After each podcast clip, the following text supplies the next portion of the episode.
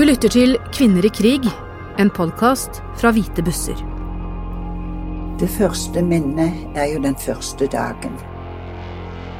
Og jeg gikk ut på Lagerstrasse, hovedgaten. Og jeg tenkte at dette kan ikke være sant. Det var som å komme til en helt ny verden. Som jeg ikke ante fantes. Og på Lagerstrasse så lå det en som så veldig syk ut. Hun hadde bare på seg én støvel, og på den andre foten hadde hun ingenting. Og jeg bøyde meg ned og spurte om jeg skulle bære henne inn i en av brakkene.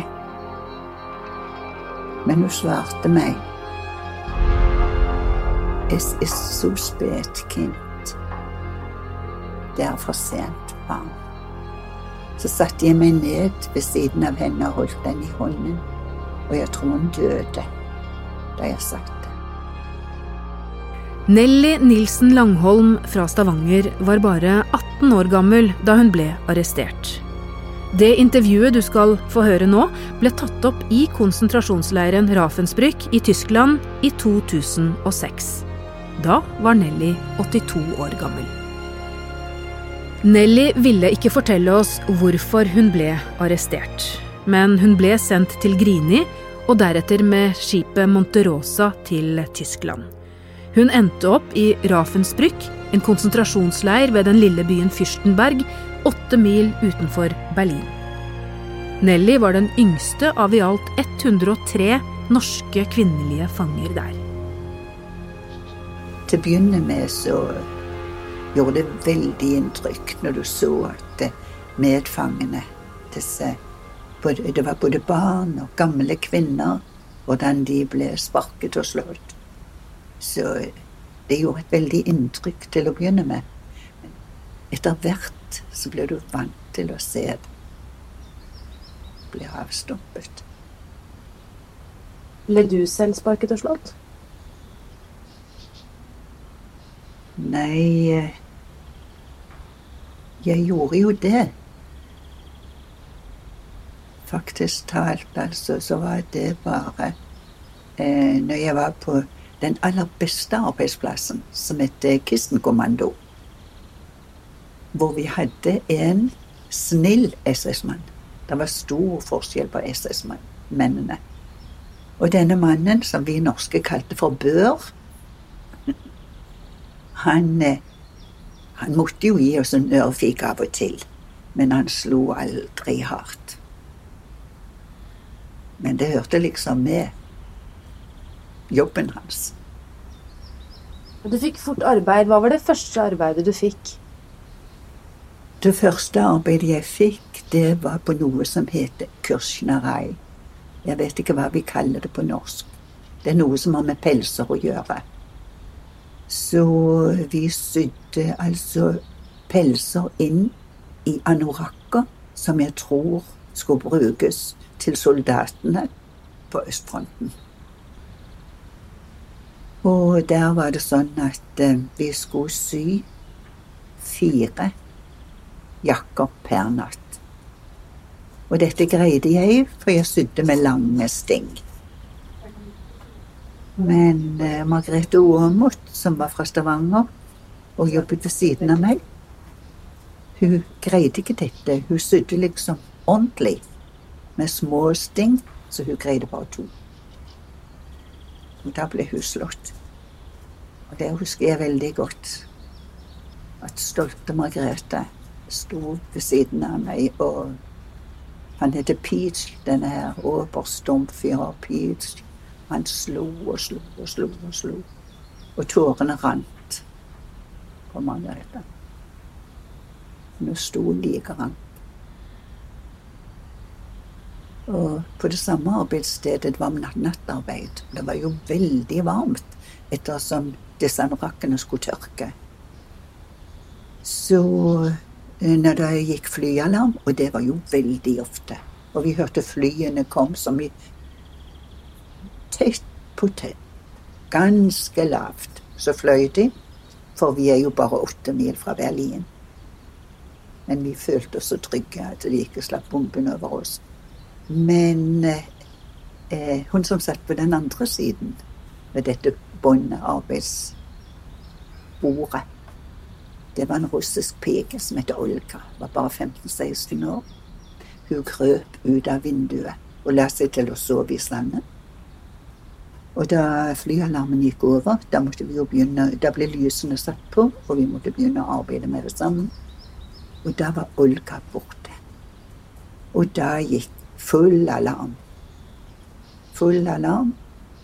Alle fangene måtte stille opp på appell, for eh, de trodde at Olga hadde flyktet. Og så, mens vi står der på appell, så ser vi Olga komme, og så med to schæferhunder som river henne i stykker. Det var det første arbeidsstedet jeg var på. Hvordan reagerte dere da dere så dette? Syns det var grusomt. Syns det var grusomt. Og noe som er veldig vondt, det er at du kunne ikke hjelpe. Jeg har fortalt sånne ting hjemme etterpå, om grusomheter som skjedde. Så har jeg fått spørsmålet men hvorfor gjorde du ingenting? Men det kunne vi ikke. For da hadde vi bare litt samme skjebne.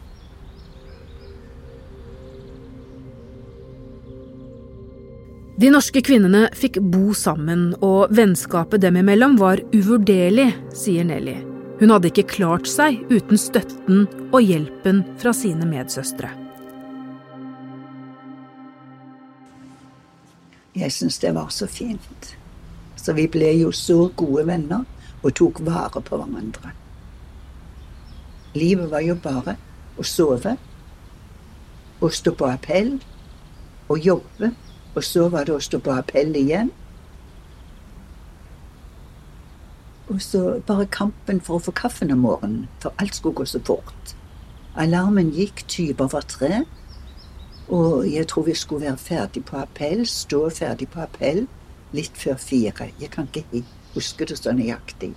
Men da var det jo ikke alle. Så noen av de norske gamle de hadde vanskelig for å greie å komme seg til denne kaffekøen.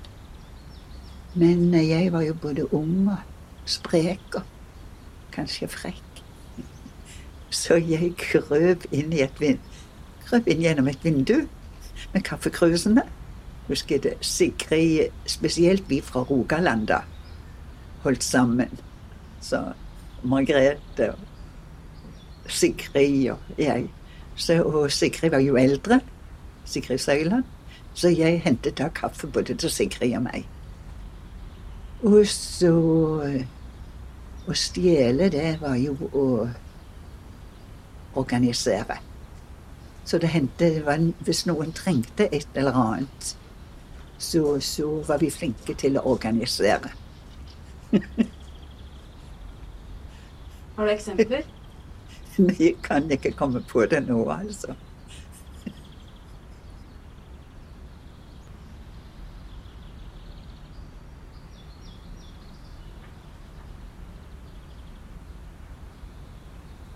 da jeg første tiden hjemme, så fortsatte jeg jo dette med å småstjele. Så det tok litt tid før jeg vendte meg av med det.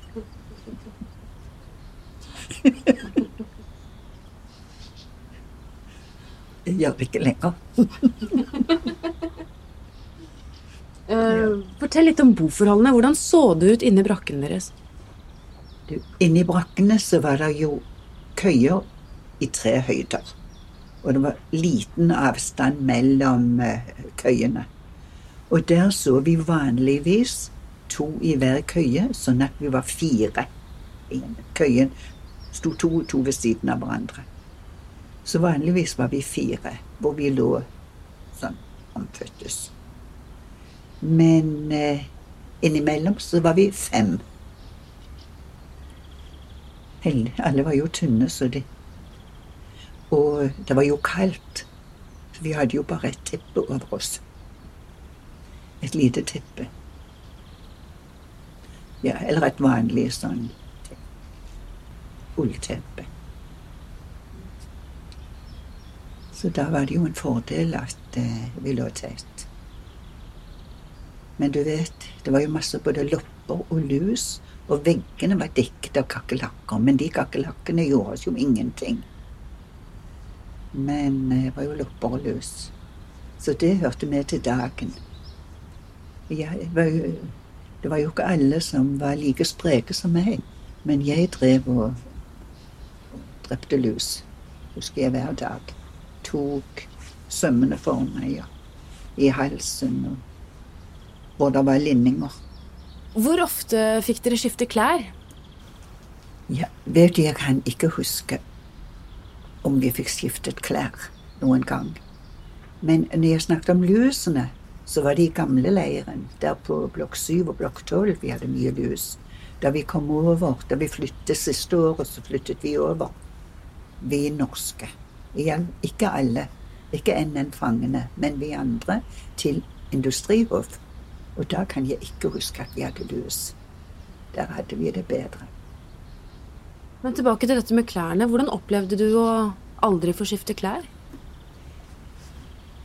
Du vet, det var liksom ikke så farlig med kjolen. Kanskje vi fikk skiftet uten at jeg husker det. Men eh, denne denne buksen, den måtte vi jo vaske med visse mellomrom. Iallfall gjorde vi norske det, husker jeg. Og, men heldigvis hadde ingen kvinner menstruasjon. Det var forbudt å menstruere. Så det er ganske rart. Av 100 000 kvinner så var det ingen som hadde menstruasjon. Nei, det er rart. Det Jeg fikk det én gang, med det første eller andre uken jeg var her.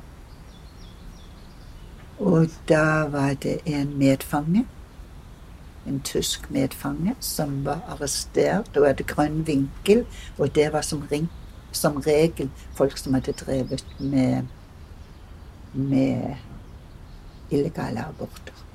De hadde grønn vinkel. Og da hun så meg, så slo hun meg nesten for derved. Så jeg jeg våknet til live igjen, så blødde jeg både ut av nese og munn. Så jeg fikk Personlig fikk jeg jo et sånt sjokk at jeg At det tok slutt. Men eh, jeg vet ingen andre heller som hadde menstruasjon. Det hadde vi jo sett. Var det sjokket som gjorde det? Ja, eller Du hørte jo Magnhild òg sa at jeg så ingen, hun trodde ingen hadde menstruasjonen. Om det var maten eller forholdene, sjokket eller omstendigheten. Jeg vet ikke riktig. Men vi var jo unge kvinner, men vi menstruerte jo ikke.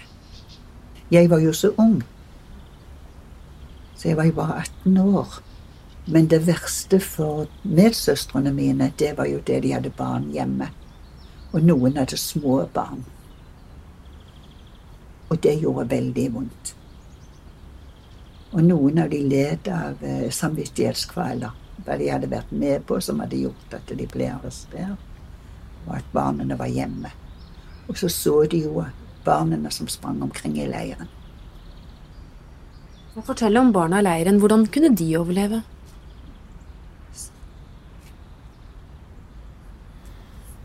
Jeg tror ikke de levde så lenge. Jeg kan ikke huske så mye om det.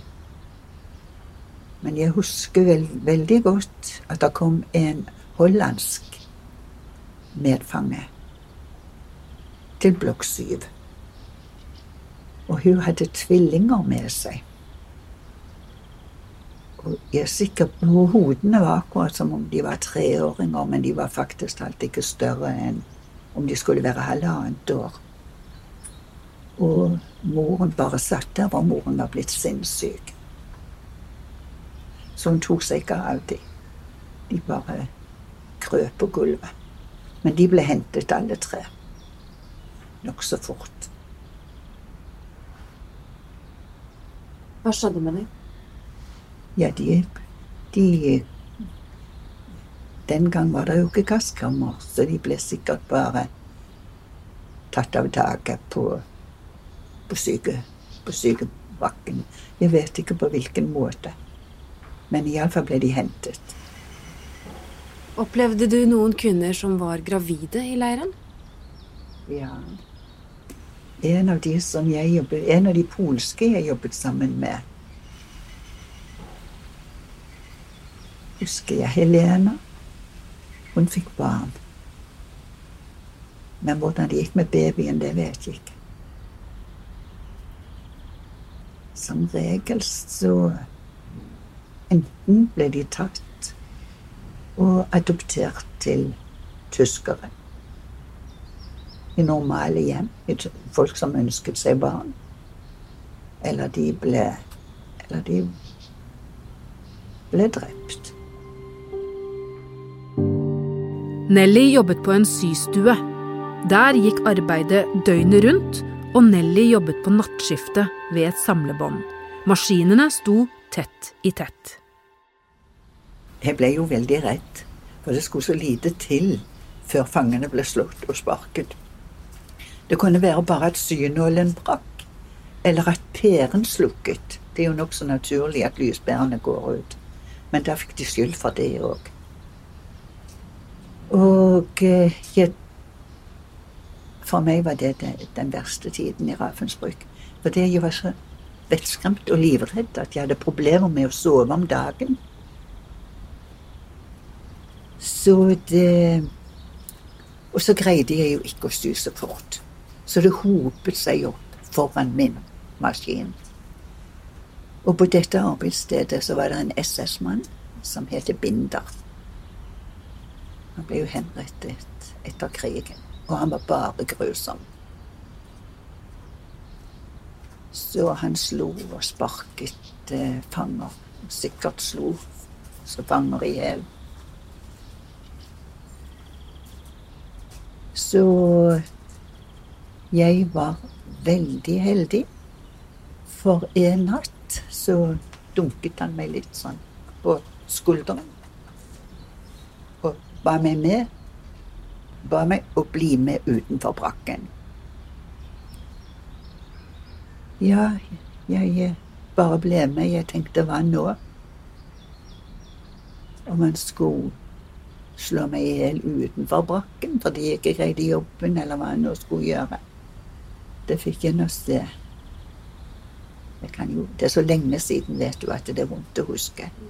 Men da jeg kom utenfor brakken, så spurte han kan, du, kan de sy på maskinen. For de sa de bestandig. Og så Jeg kan ikke huske hva jeg svarte, men han sa at det kan de ikke. Så forsvinn og still opp blant de arbeidsledige i morgen. Og jeg er så glad. Men da jeg kom midt på Lagerstrasse, så kom lyskasterne på meg fra disse vakttårnene. Og da gikk det gikk ganske fort. Så kom det en SS-kvinne og en SS-mann med schæfere. Og den ene schæferen hoppet oppå meg, på skuldrene, og hadde hodet sitt helt inni her. Det husker jeg veldig godt. Mens den andre sjefen bare gjødde og gjødde og var veldig sint.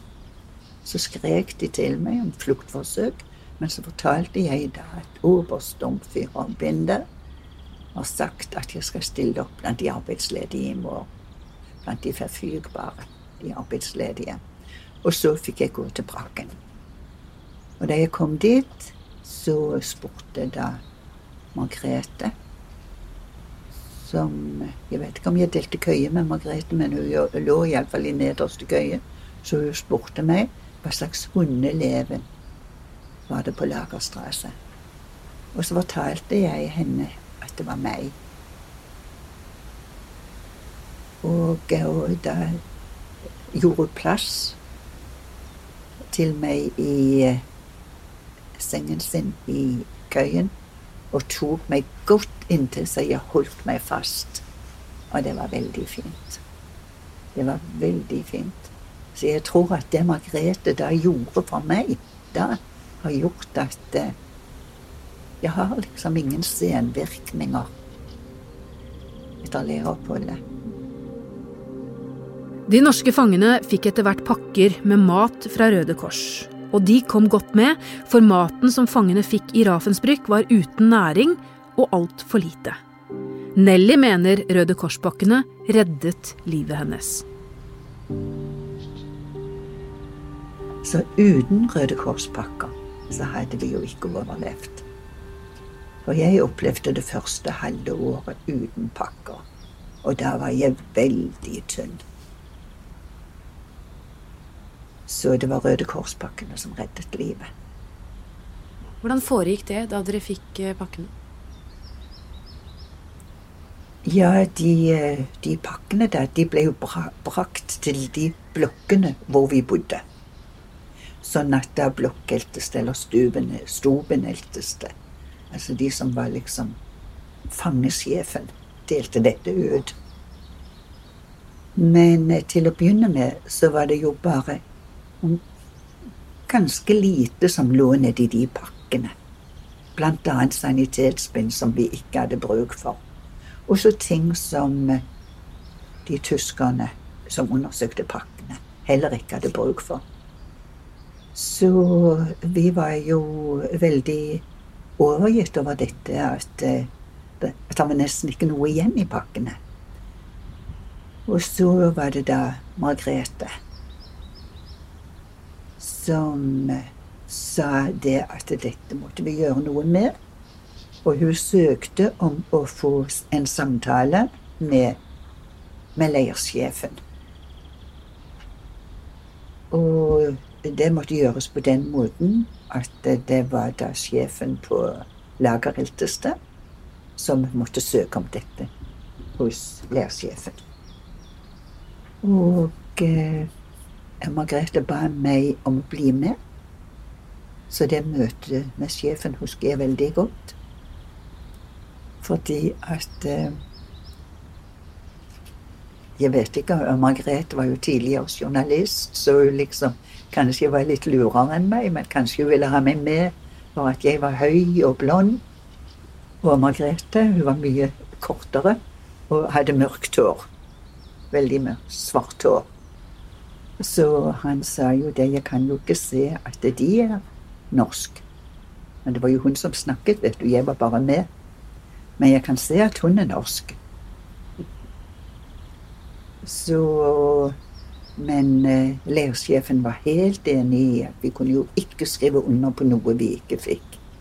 Så etter at Margrethe hadde snakket med leirsjefen, så fikk vi pakkene. Hva var det i de pakkene da? Ja, de var, det var ganske fantastisk. Der var altså havregryn og tørrmelk kjeks. Mariekjeks, husker jeg. Den var jo så, så god. Og det var smør. Og det var til og med et stykke flesk. Men den første pakken vi fikk, da greide ikke jeg å dele det flesket med noen. Jeg fant plass, en plass, husker jeg, om det var oppunder taket i brakken eller hvor det var. Og der spiste jeg hele det fleskestykket. Og jeg ble dødssyk.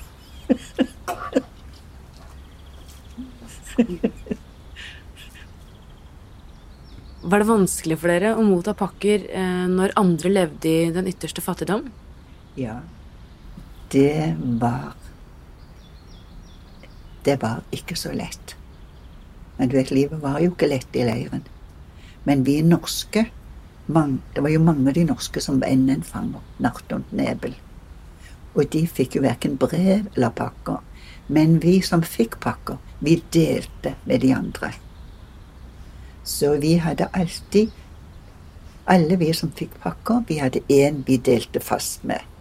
Så jeg delte min pakke fast med Abelone Møgster.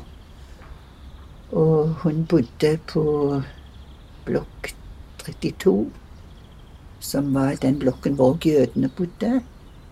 Og når jeg kom da med min halvpart og leverte fra meg, så så jeg alltid at Abelone delte med de som var rundt seg. Nelly var i Ravensbrück i nesten to år. En dag i april 1945 fikk Nelly høre at de skulle bli sendt hjem. Da vi kom ut, så sto det da noen unge menn i uniformer med Røde Kors, og så sa de da, vet du, på svensk Ja, god morgen, flikker. Men eh, det var så uvirkelig. Det var så uvirkelig. Vi var så skeptiske, skjønner du. Sånn at jeg husker at vi hadde fått utlevert en brødrasjon.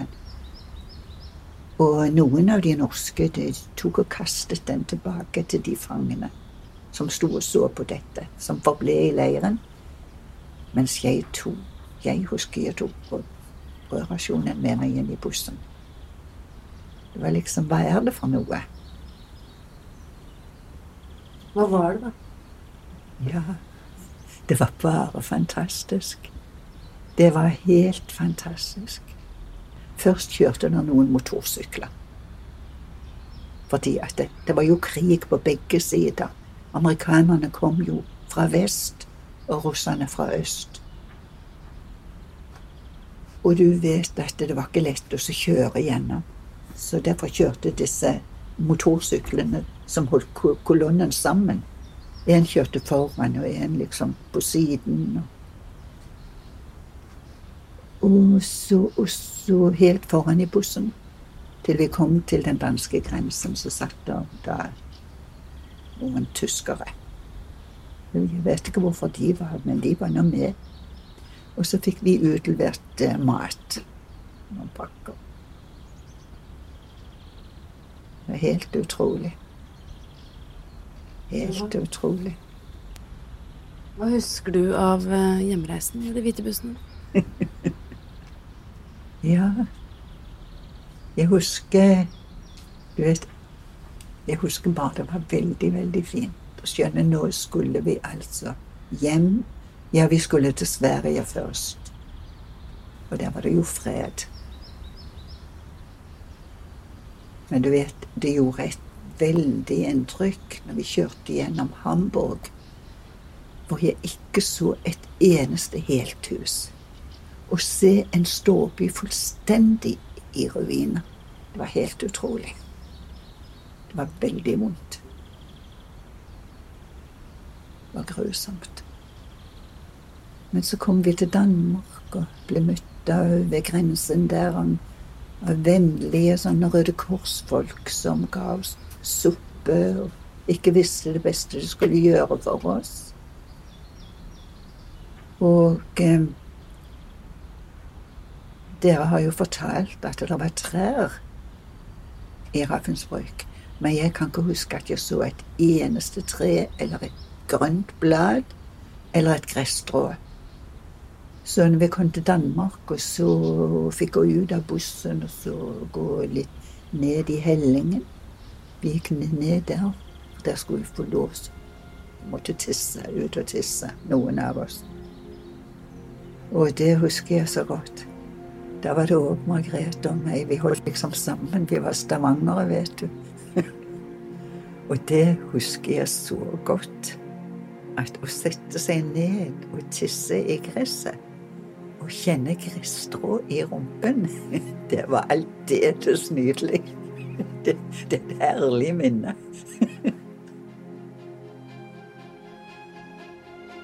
Du har hørt Nelly Nilsen Langholm i Kvinner i krig. En podkast fra Hvite busser, støttet av Fritt Ord og Bergesen-stiftelsen, og produsert av Frafjord Media. Nelly Nilsen Langholm døde i 2020, 94 år gammel. Dette intervjuet ble tatt opp i 2006 som et ledd i Hvite bussers arbeid for å bevare tidsvitnenes historier for ettertiden. Lyddesign er ved Frode Ytterarne. Jeg heter Karine Næss Frafjord. Takk for at du hører på og holder historien levende.